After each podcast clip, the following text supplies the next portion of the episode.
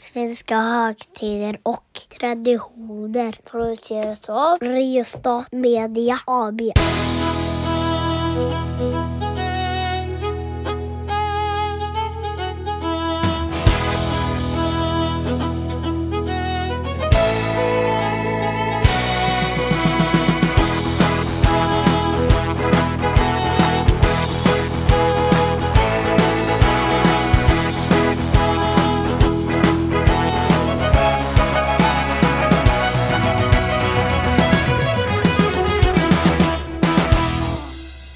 Mattias tycker jag ska säga god fortsättning, men det går inte. Jag är Nej. så jävla bakis. Ja, jag förstår. Jag förstår. Nej, det, det, det är jag faktiskt inte. Men, men, men många tror jag är bakis eh, denna dagen. Stämmer Mm. inte det? Jo, om det är så att ni lyssnar på det här avsnittet när det släpps den första januari Mm. så följer ni den klassiska svenska traditionen att vara bakfulla Mhm, på, mhm. på nyårsdagen. Jag har ju mitt eh, sånt där klassiska eh, pildiagram mellan Mm. olika högtider och då är just är man bakfull en av frågorna man kan landa på. Och Är, är, ja, precis. är det är- inte till och med så att, att eh, vi har speciell liksom bakfyllemat eh, förknippat till den här ja, dagen? det finns eh, mycket som vi kan prata om just kring bakfyllan. Men du är inte bakfull, Nej. för ditt Nej. nyårsfirande var lite lugnare än... eh, Ja, ja. Men det är roligt att, att, att, köra på tropen, liksom, Mm. att man är bakfull Absolut. Och, och att du försöker att vi ska vara så himla pepp och jag bara nej, jag är full. Åh, jag har så ont i huvudet. Och betongkeps. Men det är en tradition. Mm, absolut. Eh, Och det är det vi håller på med. Mm. Så att man kanske ändå ska, ska nämna liksom Mm. Och vilka är vi? Eh, jag är Daniel Karlanfors Mm. eh, och jag är någon slags sån här eh, okunnig programledare skulle vi kunna kalla mig nästan. Mm, den som ställer frågorna till mig. Ja, och därmed en del dumma frågor också. Mm. Och jag, heter, jag heter Mattias Axelsson och är någon typ av traditionsexpert. Någon typ av. Mm. Finns det olika typer? Eh, nej, men jag får ju ofta frågan om eh, vad det innebär att vara traditionsexpert Mm. och hur man blir det. Mm. Och det är ju, som jag brukar säga, det är ingen skyddad titel. Så Nej. att vem som helst får kalla sig traditionsexpert. Och jag kallar mig traditionsexpert utan att jag har någon utbildning inom etnologi eller så. Jag är gymnasielärare i Mm. historia, religion och samhällskunskap i grunden och har Mm. hållit på med det här i, med Så du är inte traditioner. expert i något egentligen?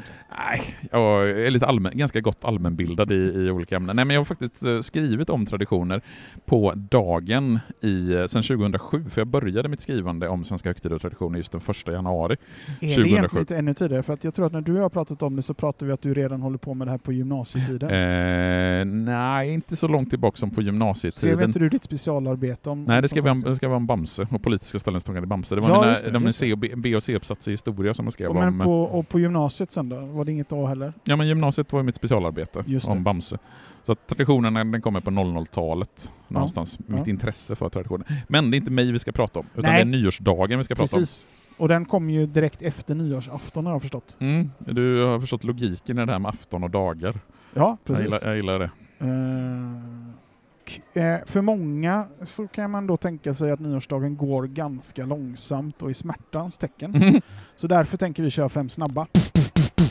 Yes. Nu högg det till i mångas huvuden när jag gjorde, den, eh, gjorde det ljudet. Vi lägger in någon härlig sån... Vi kan inte lägga en pistolljud som blir skjuten i skallen En, på något en, sätt. en, en eh, Vucela eller vad de heter kan vi slänga in. En vuvuzela. Oh!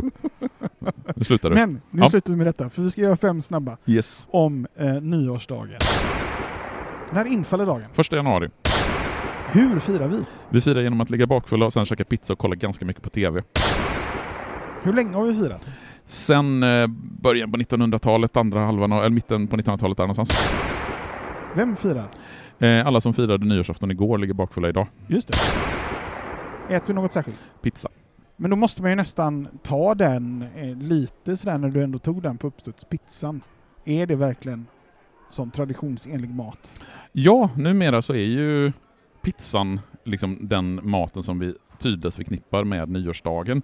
Det kallas ju till och med för stora pizzadagen.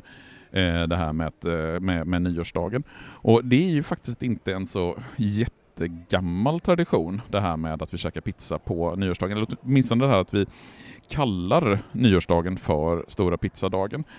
Eh, givetvis så har ju människor käkat pizza på nyårsdagen så länge som vi har firat nyårsafton med alkohol.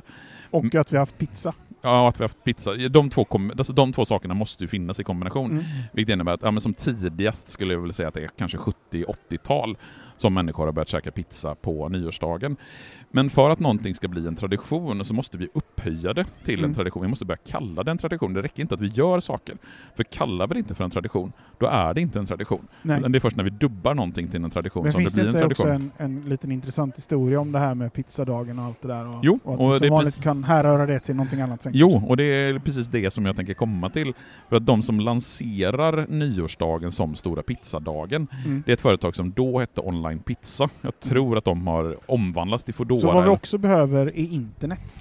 Ja, vi behöver någon typ av Vi behöver företag pizza, alkohol och internet. Och ett företag. som är intresserade av att eh, marknadsföra det som stora pizzadagen. Men jag tänker vi kan gå igenom det mer i detalj sen. Ja, för vi ska nog absolut. kanske ändå börja i början. Ja, det kan vi Eh, göra. Och början är ju början på det nya året. Mm. Eh, som är första januari. Men det har inte alltid varit så. Nej. Att vi, vi liksom börjar året den första januari. Nej, vi, jag nämnde ju det som hastigast i förra avsnittet, just att inte ens i Sverige så har vi ju alltid firat nyårsdagen den första januari.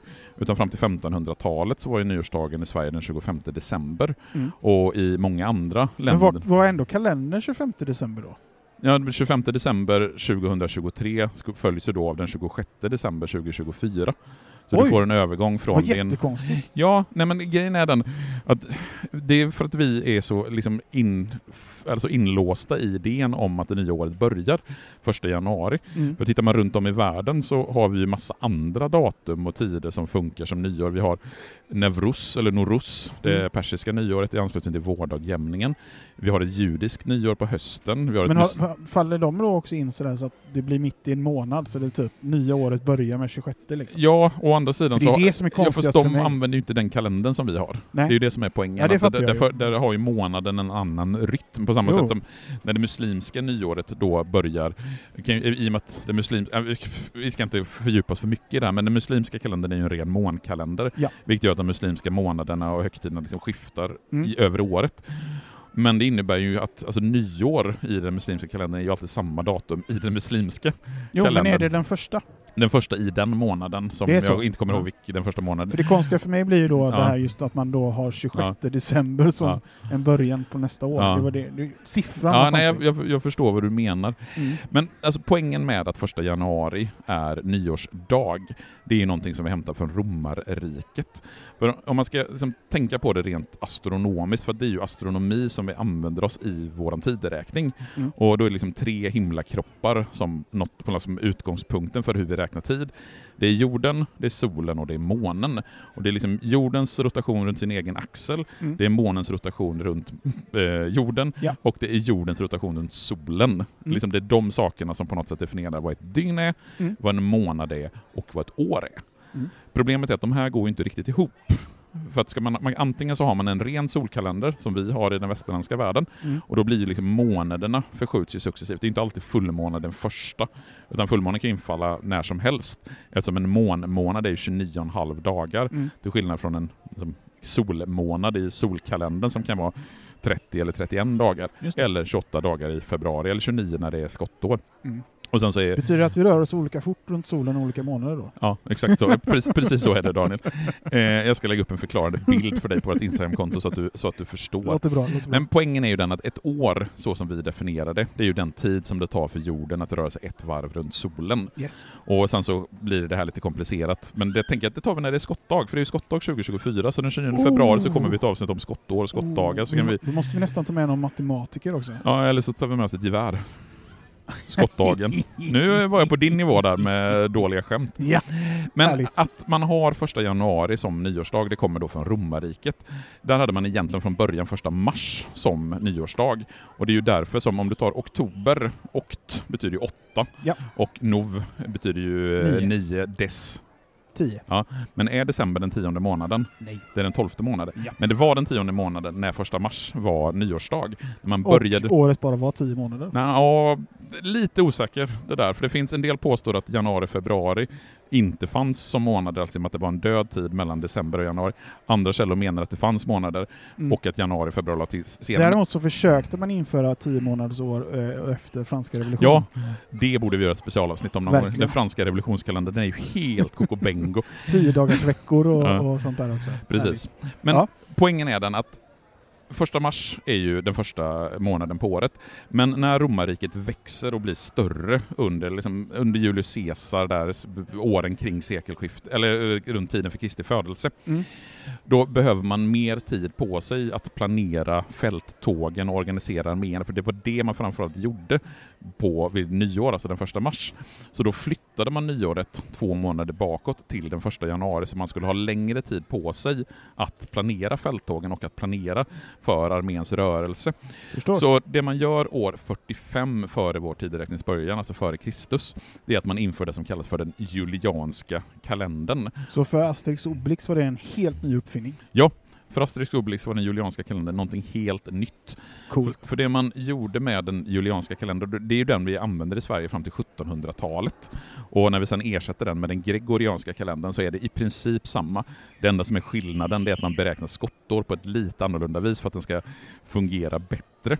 Men är alltså den gregorianska kalendern, är den då äldre än den julianska? Nej, kalendern? den gregorianska kalendern införs från 1500-talet. Så Men den är en utveckling på den julianska kalendern? Ja, gregorianska Yes, kalendern Ja, är liksom en lite, det är den julianska kalendern 2.0. jag förstår. Det är liksom en bug fixes Mm, på, med, mm, på den mm. julianska kalendern.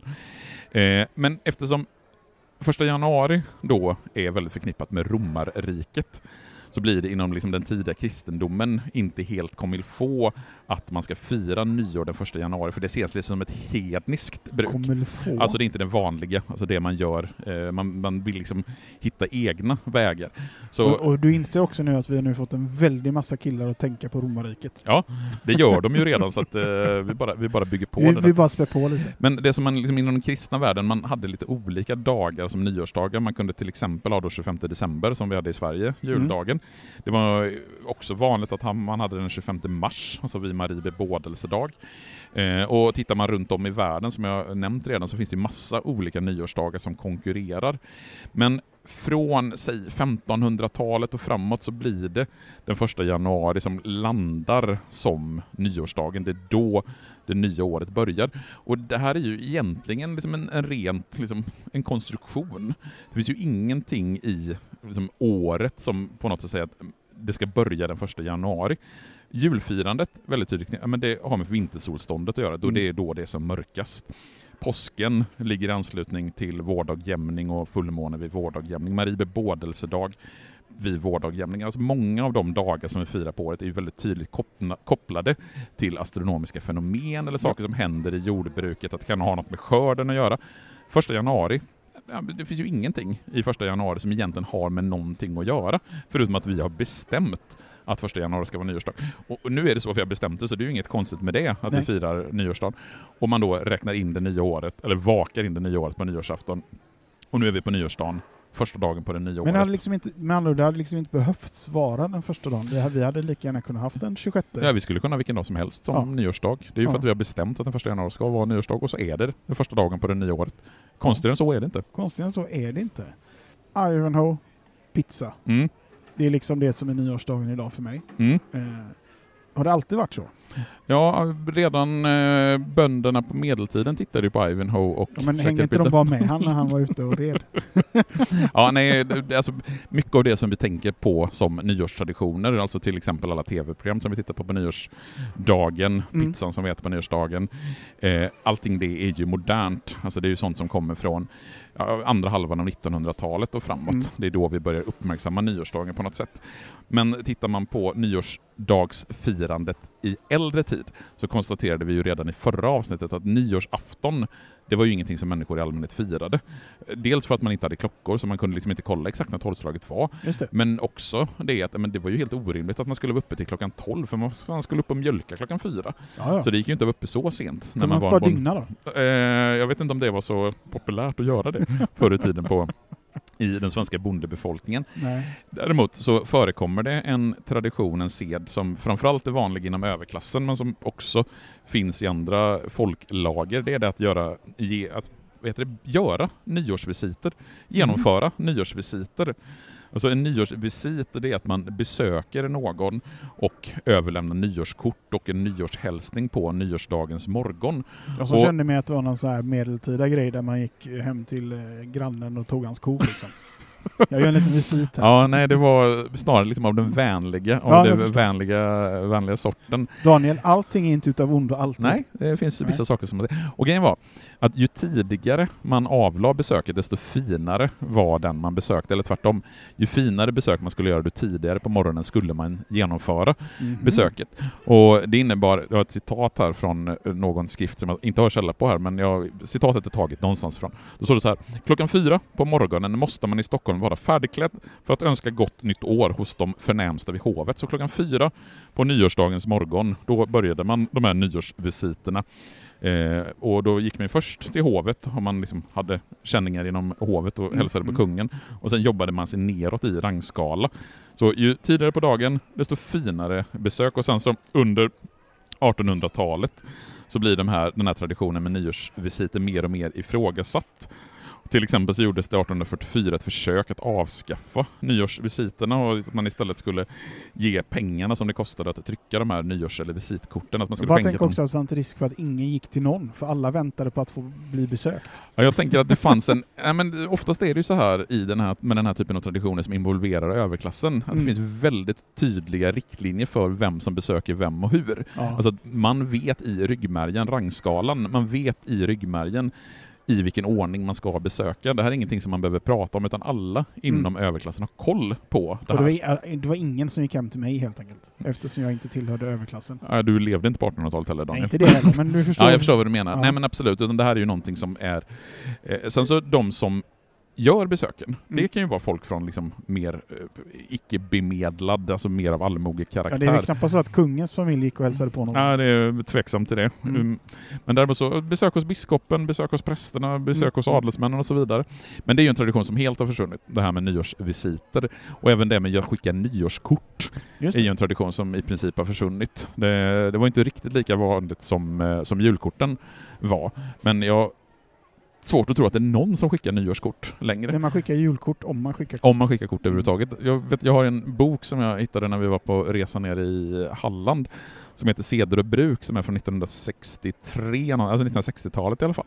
Och där har man en lång utläggning om just det här med julkort och hur man ska, ja, men hur, traditionen med julkort och vad man förväntas. Och då är det så att om du får ett julkort och du inte själv har skickat, säg att du har skickat ett julkort till mig Mm. och jag inte har skickat ett julkort till dig och så kommer Mm. det julkortet någon dag innan julafton. Mm. Då ska jag skicka ett nyårskort tillbaka till dig. Ah, ja, Det liksom ja. ligger en förväntan i Just att jag replikerar din, jul- ditt julkort med ett nyårskort. Mm, för annars är man liksom inte kompisar längre. Nej. Nej. Precis.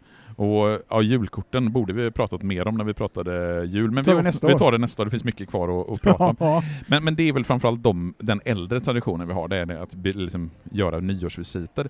Men i och med att nyårsaftonsfirandet kommer igång Mm. under liksom, mitten på 1900-talet så blir också nyårsdagen en dag av en annan karaktär. Mm. Det är som en dag då man sitter, ja men man är bakis. Ja. Man, man, man, man sover ruset av sig, man tar det lugnt. Mm. Man gör inte så mycket av den dagen, men ändå så finns det väldigt tydliga traditioner kopplat till det. Bland annat då pizzan som, Mm. vi, som vi var inne på. Sen tänker jag på det här, rent tekniskt så infaller ju nyårsafton också den första januari. Hur menar du då? Den infaller ju egentligen på nyårsdagen eftersom den, man firar ju den först vid tolvslaget. Ja, Då har vi bytt dag Ja. egentligen. Vi var ju lite inne på det. Ehm, så egentligen är det ju någon sagt, på något sätt samma högtid. Men det är ändå skillnad på, på de här två dagarna, Ja. nyårsafton och nyårsdagen. Nej men alltså, vi var ju inne lite grann på det redan i förra avsnittet och anledningen till att jag ville göra det som två separata avsnitt. Ja. Det är just det här att nyårsdagen och nyårsafton har så olika karaktär. Mm. Alltså juldagen och julafton det är också två olika dagar men det är inte så att de är helt väsensskilda. Det är ändå det finns en fortsättning. Att du, du har granen på, på liksom både julafton och juldagen. Det är Mm. inte så att du gör något helt annorlunda på juldagen än vad du gör mot julaf- på julafton. Däremot nyårsafton och nyårsdagen är två helt olika högtider Mm. i den bemärkelsen att på nyårsafton, då klär du upp dig, du äter fin mat, liksom umgås med vänner eller med familjen, du liksom lägger dig an att göra liksom saker på ett visst sätt. Nyårsdagen däremot, det är verkligen en dagen efter-dag. Då Mm. sitter du i pyjamasbyxorna i soffan, eh, är bakfull, du käkar pizza, du kollar på som tv-program som du har sett tusen gånger förut. Mm. Och kanske har lite ångest för saker du gjorde på nyårsafton Har det möjligtvis. hänt dig eller? Eh, vi behöver inte gå in på det Daniel. Vi behöver inte gå in på det Daniel. nej, men, men, men just att de, de skiljer och att nej, men det, har, de har så pass olika karaktär. Mm. Och det tycker jag är, liksom, det, är- det är är ändå de en inte sån- nästan tes och antites? Liksom? Ja men nästan. Att, Mm. eh, att nyårsafton är fest, nyårsdagen är bakfylla. Ja. Det är verkligen varandras motsatser någonstans. Andra Två, två ena, sidor på samma mynt. ja, det, Alla de uttrycken kan vi slänga in här. det ena kommer efter det andra på något Exakt. sätt. Mm. Ja. Men då får vi väl nästan ändå komma in på det eh, som den här liksom, dagen då handlar om. Eh, eller i alla fall en del utav det. Och det är de här tv-programmen. Jag har ju varit inne på Ivanhoe Mm. innan. Det är väl den som jag förknippar mest med nyårsdagen. Finns Mm. det andra tv-program? Eh, det finns väl egentligen ska jag säga, tre tv-program som man tydligt förknippar med nyårsdagen. Det är mycket riktigt Ivanhoe, Ja. det är backhoppningen från Garmisch-Partenkirchen och det är nyårskonserten från Wien. Det är de tre som har sänts på svensk tv ganska jag kan länge. erkänna att jag aldrig sett eh, konserten från Wien. Nej, Men de har- andra två? Ja, nej, jag har faktiskt inte heller sett nyårs, nyårs, nyårskonserten från Wien. Och det här kommer ju kanske som en liten chock för dig. Jag har faktiskt el- heller aldrig sett hela Ivanhoe. Ja, nej, är den, vet jag inte. Men det är på att jag är en lite sån tradition, traditionsvurmare på något Och sätt. dessutom historielärare. Mm. Mm. Sen så kanske du tycker att Ivan har en alldeles för dålig representation utav historien. Fast det, hade jag inte, det kan jag ju inte veta eftersom jag inte har sett den. Men, Men- du har ju sett delar av den antar jag? Ja, jag har sett delar av den, Ja. men jag har inte sett hela Ivan. Nej. Nej. men alltså, det som är intressant med Ivanhoe då, om vi ska ta den traditionen, för det är väl kanske det som de flesta förknippar med nyårsafton, det är Mm. Ivanhoe. Den sänds första gången på nyårsafton 1982. Och notera då, då är det på nyårsafton, inte på nyårsdagen som den sänds 1982. Just det. Men redan efter första visningen så höjs röster i tidningarna. Till exempel Svenska Dagbladet skriver att det här kommer bli en återkommande nyårsklassiker Mhm. redan efter den första visningen. Sen så de följande två åren, 1983 och 1984, så sänds Ivanhoe fast då istället under julhelgen.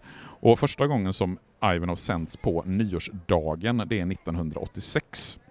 Och sen så sänder Sveriges Television Ivanhoe på nyårsdagen 1988, 1992 och sen fram till 2001. Och sen efter 2001 så är det ju TV3 som har tagit över visningen av Ivanhoe. Och numera så är det ju så, eller det är ju ganska länge sedan som det är så, att TV3 har visat Ivanhoe fler gånger än vad Sveriges Television har gjort. Alltså. Ivanhoe har ju visats i över 20 år på TV3, men visades ett, ja men eh, knappt decennium. Det här säger någonting om hur gamla vi är. Ja, nej, men det, är- det är också en sån här grej som folk ibland liksom hajar till när jag påpekar, nej, men alltså att Ivan har gått dubbelt så många gånger på TV3 som Mm. den gick på Sveriges Television. Och det är ju mer av en tradition på TV3 än vad det är en tradition Det blir på sån här Sveriges kla- Television. klassiker också som att nu är det längre tid mellan att vi landade på månen och någon Ja, nej, men det, det finns, finns många... det, det är den kategorin utav...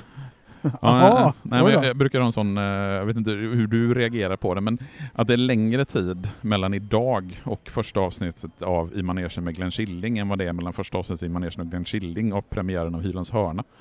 Ja, det är sjukt. Det är ganska Det är sjukt. Men då ska du komma ihåg att premiären i manegen med Glenn Killing, det är länge sedan, alltså över 30 år sedan. Jo, men det, för mig är det ju Ja, igår. ja, ja, precis. Eh, Det här borde vi också göra ett avsnitt av någon Ja, gång, när verkligen. vi liksom bara radar upp den här typen av eh, eh, Är det, är, är det en tradition eller är det en biologisk Ja, företeelse? Väldigt, väldigt oklart. Men så om vi tar, om vi tar de två andra. Ja. Eh, Garmisch-Partenkirchen, eh, backhoppningen, är ju en betydligt äldre nyårstradition. Den Mm. sändes första gången på svensk TV 1959 och har sedan dess, förutom två avbrott, 2006 och 2012, sänds varje nyårsdag. Eh, och historiskt var det framförallt Sven Plex Pettersson som kommenterade nyårshoppningen från Det är Garmisch-Partenkirchen. liksom det jag minns, en väldigt behaglig röst. Mm. Det är ju inte så att jag väldigt engagerat stirrade på backhoppningen. Så här, det är nog väldigt få av de som tittar på backhoppning från Garmisch-Partenkirchen som överhuvudtaget har någon relation till backhoppning i övrigt. Precis. Utan det är en ganska god sport att kolla på när man är bakis i soffan. Mm. Eh, Slå till och med curling. Ja, faktiskt. För curling är så mycket tankeverksamhet. Ja. Där behöver jag- titta på någon som... Nu när jag tänker på det, backhoppning är verkligen från den ideala sporten att kolla på på uh, nyårsdagen när man är bakis. Mm. Det är liksom så långsamt tempo på något sätt. Det är inga hetsiga Nej. eh, spurtdueller som det kan vara i skidor eller liksom straffavgörande som det kan vara i fotboll. Samtidigt som du har spänningen av kommer någon nu slå ihjäl sig? Precis, kommer någon ramla och, och slå sig. Och sen så har vi nyårs, nyårskonserten från Wien som är en Mm. i princip lika gammal tradition som backhoppningen från Garmisch-Partenkirchen. Så det är de här tre tv-programmen. Backhoppningen, Ivanhoe och nyårs, nyårskonserten från Wien. Det är de tre programmen som vi framförallt förknippar med Mm. nyårsdagstittande. Mm. Och till det eh, så kanske vi nu ska ta den här pizzahistorien då, Mm. nu då. För det är, en man, det är pizza man käkar till detta. Nej, men det som gör den här historien om hur nyårsdagen blev pizzadagen lite speciell, det är ju för att det är jag som har avslöjat hela den här grejen. Det är liksom ett scoop eh, från min... Ja men på riktigt. Ja, ja, ja. Eh, och det var ju någonting som jag... Det var ju egentligen mitt första break som traditionsexpert. Just det. När det här blev en nyhet. Efter detta så blev du lite erkänd. Ja, nej men jag kommer inte exakt ihåg. Det kanske är sex, sju år sedan någonting sånt där. Jag Mm. eh, kommer inte exakt ihåg. Men då var det ju någon eh, lokaltidning som, som plockade upp en artikel jag hade skrivit på min blogg. Just Där jag hade liksom gått i botten med när började man kalla nyårsdagen för Och pizzadagen. det är samma blogg som de här avsnitten också kommer upp på, eller? Ja, svenskahoktider.com. Ja. Eh, och det det finns ju länkad. Bloggen Precis, finns ju länkad. det jag Ja, menade. exakt så. Eh, och sen så det som gjorde det till en grej, det var att TT plockade upp den här nyheten, vilket gjorde att alla tidningar i princip publicerade den. Just. Eh, så att Aftonbladet publicerade, Expressen publicerade, GP publicerade, så det liksom blev en rikstäckande mininyhet där. Eh, alltså det är ju ganska tacksamt att få spridning på nyhet på nyårsdagen, för det är ju ganska stor nyhets, nyhetstorka. Men det jag, liksom det skopet som jag gjorde när jag grävde i hur nyårsdagen blev pizzadagen, det var ju att jag kom fram till då att första gången som nyårsdagen kallas för pizzadagen, Mm. det är 2008. Och det är någonting som kallas för pizzarapporten från företaget Online Pizza. Just Och. Online Pizza det är det som idag har blivit Foodora. Eh, eller på, de, jag vet inte om det är exakt övergång, men Det finns en koppling. det finns en koppling mellan online och pizza och Foodora.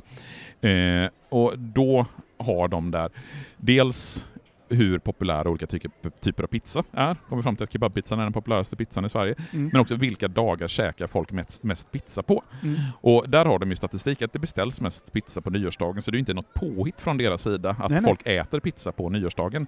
Det Online Pizza gör, och som är det geniala, det är att de börjar kalla nyårsdagen för pizzadagen och även börjar skriva om det som en tradition. Just det är ju det här, när vi börjar kalla någonting för en tradition, det är då det blir en tradition. Och sen så några år efter att den här första pizzarapporten släpps 2008, så börjar även tidningar skriva om det. Aftonbladet, Expressen, Nya Värmlands Tidning, de skriver om nyårsdagen som pizzadagen och alla gör det med hänvisning till just Online Pizzas rapport. Och numera, alltså när vi skriver 2024, då, eh, jag tror att nästan alla tänker att eh, det man äter på nyårsdagen det är pizza. Och det är ju mer än en svensk tidning som gör olika typer av liksom, reportage eller till och med har med sig reportrar till olika pizzerier på nyårsdagen för att där filma och liksom beskriva hur hektiskt har inte pizzabagarna det idag på, på nyårsdagen. Så idag så är det ju verkligen så att nyårsdagens tradition det är att man ska äta pizza. Kan vi då också hävda att eh, den här eh, italienska importen eh, utav mat är också en svensk prägel på nyårsdagen? Jag skulle säga att det att käka pizza på nyårsdagen det är den absolut tydligaste svenska prägel vi har på nyårsdagsfirandet. Är det också, är det också denna prägeln som också är en kontrovers? Ja, möjligen att man skulle kunna ha det som en kontrovers att, att, man, eh, att det är liksom en- var det inte lite tjafs om att det här borde inte vara en tradition för ett företag som har hittat på det Jo men så är, det ju, så, så är det ju alltid och det kan jag tycka är ganska, ganska tramsigt. Eh, just att, ja, men, vad spelar det för roll vem det är som är introducerat? Om vi gör det så är det ju en tradition. Om vi kallar Mm. det för en tradition så är det en tradition oavsett vem det är som har hittat på traditionen. Mm. Det jag istället skulle lyfta som den stora kontroversen, det var ju när TV3 tog över Ivanhoe. Just det. det blev det ju ordentligt ramaskri. Alltså, när jag har gått tillbaka och läst tidningar från 2001, måste det väl vara som Ivan, SVT förlorar sändningsrättigheterna på Ivanhoe. Alltså det 2001 väckte ju nästan samma ramaskri som det hade gjort om eh, TV3 hade tagit över Kalanka.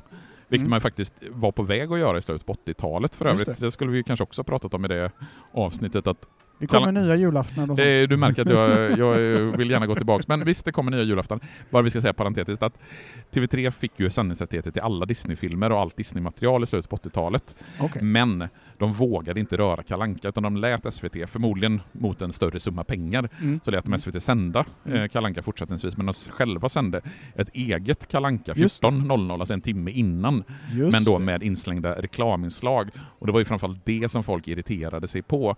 För, eh, För det är ingenting till TV3 gör fortfarande va? ha reklaminslag? Nej, det har de, men jag menade köra eh, en egen Kalle Nej, det gjorde man bara några år på 90-talet. Jag tror 96-97 var sista gången man gjorde, Ja. så det var kanske 6-7 gånger som man gjorde. Man insåg att ja, men vi har inte en chans mot den här Men jag, SVT-traditionen. jag, jag tänkte på det nu där du sa, för min spontana känsla när du sa just det, TV3 tog över Ivanhoe.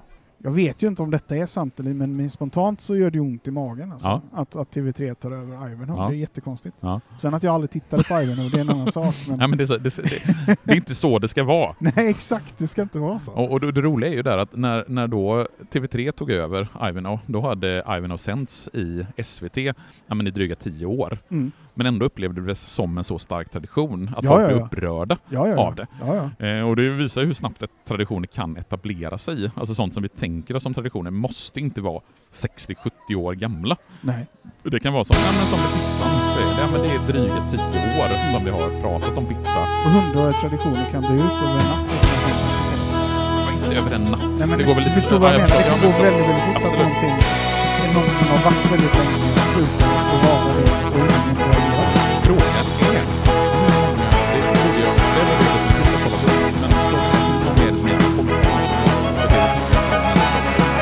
Eftersom det var på TV3 så skulle jag Men av princip. Nej, nej för att, för att jag, nu, nu hänger det ju dels ihop med mina eh, tv-vanor är ju Ja. helt förändrade sedan 2010. Ja. Så då stream, allt streamas. Ja.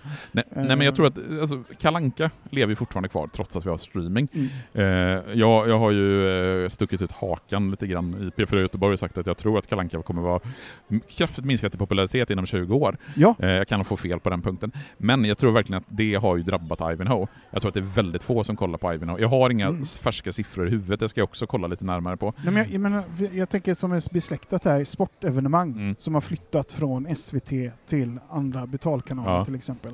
Jag tittar inte på fotbolls-VM längre, Nej. för det sänds inte på SVT. Nej. Och det är inte en princip, utan det är för att det ligger bakom en betalvägg Mm. eller på något annat sätt. är men- krångligt för förstår, mig. förstår vad du menar. Och det upplever att det är samma sak med Ivanhoe här. Mm. Det blev krångligare. Ja, hade, hade, hade så- Ivanhoe däremot gått på SVT1 klockan 15.00 på nyårsdagen, då är det sannolikt att du hade eventuellt kollat på det. 2024 blir det då. Ja, nej, eftersom jag ändå, helt ändrat mitt Ja.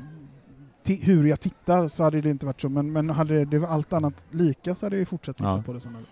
Ja, vi får väl se när vi får ta del av tittarsiffrorna från nyårsdagen 2024 hur starka traditionerna med Ivanhoe, Garmisch- Garmisch-Partenkirchen-backhoppningen och nyårskonserten från Wien är. Däremot så Mm. är jag helt övertygad om försäl- att försäljningen av pizzor kommer att gå puff upp i taket på nyårsdagen så som det har gjort varje år under Och är det så eh, redan, redan sedan 2007 var det va? De 2008, började? 2008 var det alltså, Är det kebabpizzan som är ohotad etta hela tiden eller? Det har jag inte heller någon statistik på, men min absoluta övertygelse är att kebabpizzan åtminstone är i topp från år till år. Kanske inte den absolut populäraste Är varje år. lite, lite som, mm, vad säger man, eh, duellen mellan köttbullar och skinka på julbordet? Oh, intressant. Mm, mm, Jag, ska, mm. jag ska forska närmare vidare i den här också, skriva någonting på svenskahögtider.com. Ja, det tycker jag. Yes. Det är kul när jag kan bidra på något sätt. Men eh, det finns ingenting mer att säga om nyårsdagen eh, för, för detta året höll jag på att säga. Men, men eh, vi är ju inne i 2024 Ja, så att, men vi återkommer med nyårsdagen 2025 sen, så precis, kan vi prata om andra saker. det gör vi. Ha det gött. Hej. Hej.